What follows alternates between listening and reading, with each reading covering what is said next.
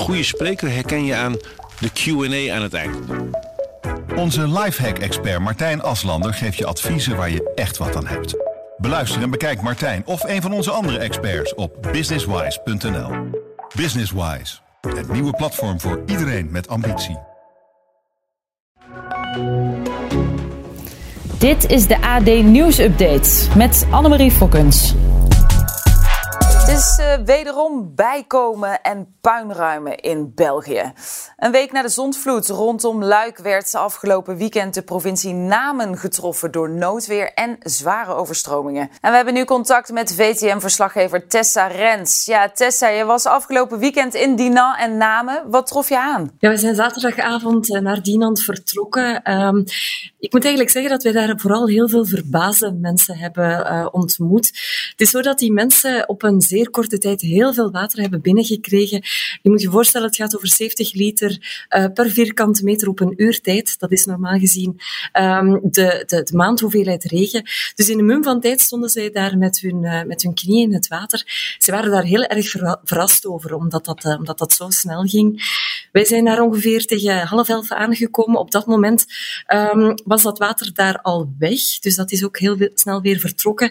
Um, en ze zijn daar meteen beginnen puinruimen. Dus mensen zijn hun huis beginnen uitkuisen. Um, de straatwerkers en de, de, gemeentearbeiders waren ook al puin aan het ruimen. Uh, en dat is eigenlijk het hele weekend zo doorgegaan. Dus ze zijn meteen uh, eraan begonnen. En het was een beetje bevreemdend in Dinant. Uh, wij stonden aan de ene kant van het water, daar was de wateroverlast. Maar aan de andere kant van het water ging het leven gewoon door. Um, daar waren terrasjes, mensen zaten daar op café. Dus daar was het, ja, het leven zoals van oud eigenlijk. Een beetje bevreemdend. Absoluut. Ja, nou had België natuurlijk net die watersnoodramp bij Luik achter de rug. Hè? Afgelopen weekend dan volgde onverwachts deze ellende. Wat doet dat nou met de mensen in de regio's? Ja, in Namen was het een, een klein beetje dubbel. Um, zij zijn natuurlijk ja, dat is niet fijn. Hè. Zij moeten heel hun inboedel op straat zetten. Zij, zij zien uh, heel veel schade aan hun huizen. Um, maar zij hebben ook de beelden van Luik gezien van vorige week en zijn zich ook wel bewust van het feit dat daar geen dodelijke slachtoffers nu gevallen zijn. Dat er geen gewonden zijn. Dat het enkel materiële schade is. Dus ja, daar zijn ze wel blij mee natuurlijk. Voor de mensen in Luik zijn het ook bange dagen. Uh, zij, uh, zij zien ook dat er nog nieuw onweer aankomt. Ja. Dat er onweersbuien hangen. dus voor hen is het natuurlijk bang ze zijn ook geëvacueerd geweest op sommige plaatsen. Dus dat, dat, ik kan me voorstellen dat dat wel een, een beetje traumatisch is op dit moment ook. Ja, want er is door het, uh, het KMI, het Belgische uh, Weerinstituut, ook een code geel afgegeven. Um, voor alle provincies en ook nog de hoofdstad Brussel. Is daar nog laatste nieuws over? Wat wordt er verwacht? Afgelopen nacht is er, uh, zijn er niet echt veel grote incidenten geweest. Wat kelders ondergelopen, wat tunnels ondergelopen, maar dat valt al bij al wel mee. Nu, vandaag um, is het ook code geel in bijna alle Belgische provincies buiten West-Vlaanderen. Daar is het code oranje, dat is aan de kust. En ik hoor dat daar toch al problemen zijn in Nieuwpoort. Dat daar ook kelders onder staan, dat er daar ook een wolkbreuk is geweest. En ook de komende dagen geven ze eigenlijk nog instabiel weer. Dus het, het, is echt een beetje afwachten wat er nog allemaal gaat gebeuren. Ja. Wordt er in Wallonië al gesproken uh, zeg maar over de toekomst als het gaat om het beperken van dit soort overlast? Ja, de Waalse regering die wil heel graag een onderzoek naar wat er gebeurd is en dan voornamelijk in de regio Luik. Um, wat er daar dan gebeurd is, omdat ze willen weten of dat daar een menselijke fout achter zit. Um, zijn daar, ja, welke informatie was er? Uh, hadden die mensen niet ja, vroeger moeten geëvacueerd worden? Hadden ze niet sneller in gang moeten schieten? Dus ze willen daar een onderzoek naar en ook de mensen in die getroffen regio's die willen dat heel graag weten. Dus dat is iets waar ze nu op dit moment toch mee bezig zijn, dat allemaal uit te klaren.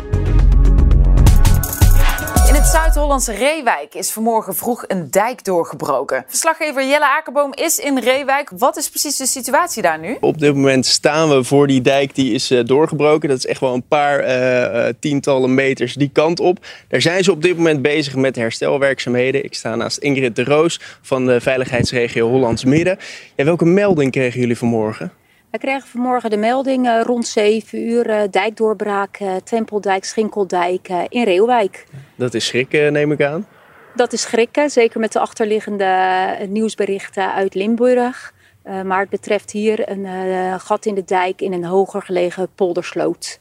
Wat is er toen gebeurd toen jullie die melding kregen? Want wat trof je aan? Toen wij de melding kregen, liep het water al het, het verlaagde gebied in. Er waren loonwerkers en agrariërs hier uit de buurt waren al volop bezig om een indamp, uh, inblokking te maken van klei. En uh, brandweer is ter plaatse gekomen. Die hebben een vee geëvacueerd naar hoger gelegen delen. Zijn omwonenden nog, uh, ja, hebben die nog natte voeten gekregen? Want ik, ik hier door Reewijk heen. Het, het is een waterrijk gebied, hè? Uh, Reewijk is een zeer waterrijk gebied, dat klopt. Uh, de bewoners, het is niet heel erg bewoond, dit gebied waar we nu staan. bewoners zijn op de hoogte gesteld door de brandweer. En hebben jullie enig idee hoe dit heeft kunnen gebeuren? Nee, het is ons nog onduidelijk uh, hoe het heeft kunnen gebeuren. Rijkswaterstaat zal hier ook uh, onderzoek naar doen uh, hoe het heeft kunnen gebeuren. Maar het heeft dus niks te maken met ja, wat we eerder deze week allemaal voor beelden hebben gezien? Nee, het heeft niks te maken met de hoge waterstanden in Limburg. Dat, dat staat hier los van.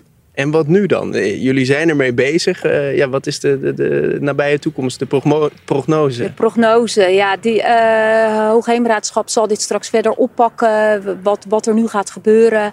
Uh, de inblokking is zo goed als klaar. En dan zal Hoogheemraadschap verder kijken wat er, wat er met de dijken gaat gebeuren. Dankjewel voor nu, Ingrid de Roos. Ja, het, het lijkt dus mee te vallen hier in Reeuwijk. En ze zijn ermee bezig. Meerdaagse festivals zoals Lowlands gaan deze zomer niet door. Helaas hebben we moeten besluiten, eh, in overleg met de evenementensector, om het bestaande verbod op deze meerdaagse evenementen met overnachting te verlengen tot in ieder geval 1 september.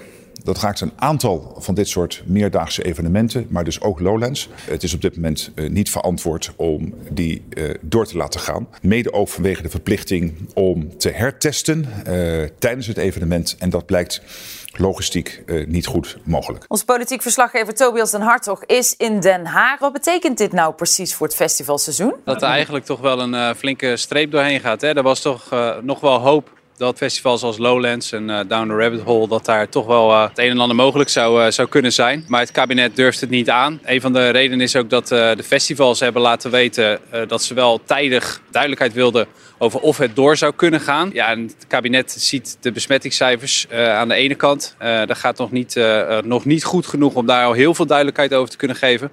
En anderzijds is het ook een klein beetje een mislukt project.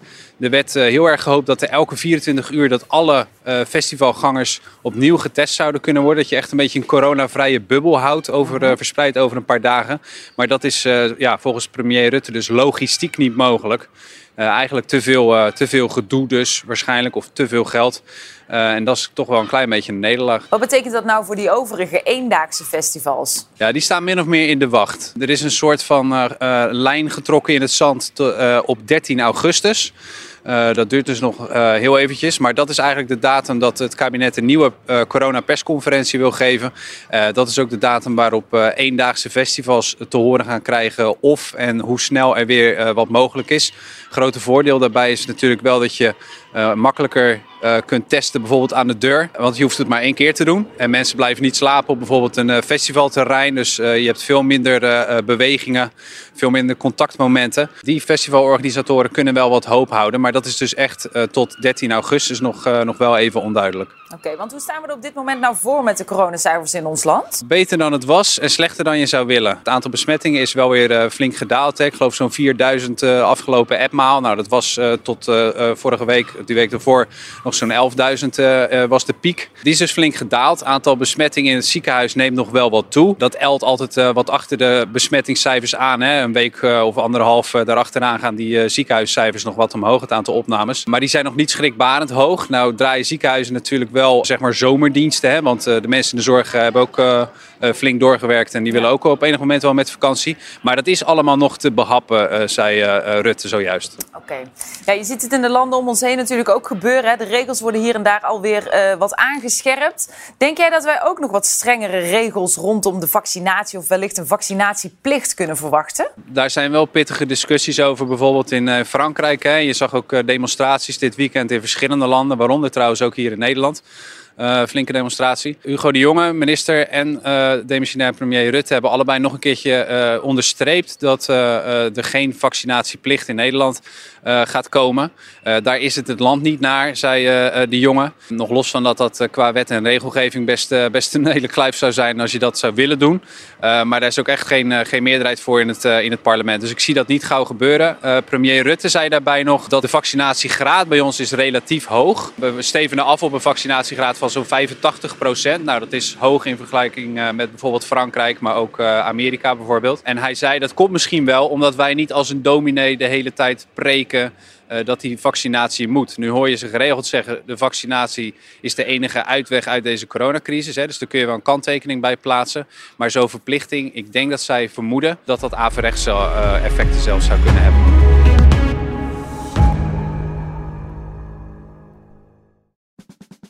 Luister ook naar onze podcast Politiek Dichtbij. In een half uur praten we hierbij over de stand van zaken op het Binnenhof.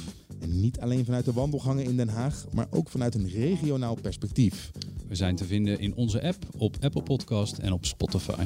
En wie zijn wij dan? Wij zijn Leonard Beekman en Tobias den Hartog.